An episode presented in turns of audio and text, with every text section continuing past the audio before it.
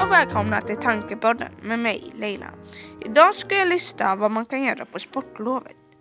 Man kan till exempel bada i ett badhus i närheten där man bor eller kanske något litet större badhus, kanske något äventyrsbad.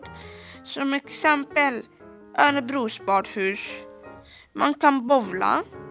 Man kan åka till ishallen, åka skridskor eh, biblioteket. Kanske man behöver plugga eller träna på någonting eller bara vill läsa och chilla.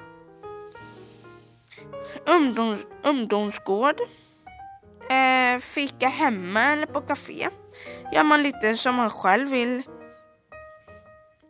Man kan åka skidor eller pulka i snön om man gillar det. Om man är en person som gillar kyla och snö. Eller så gör man så här.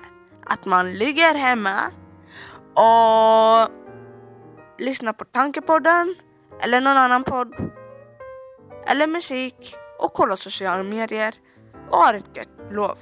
Det var allting för mig. Tack så mycket.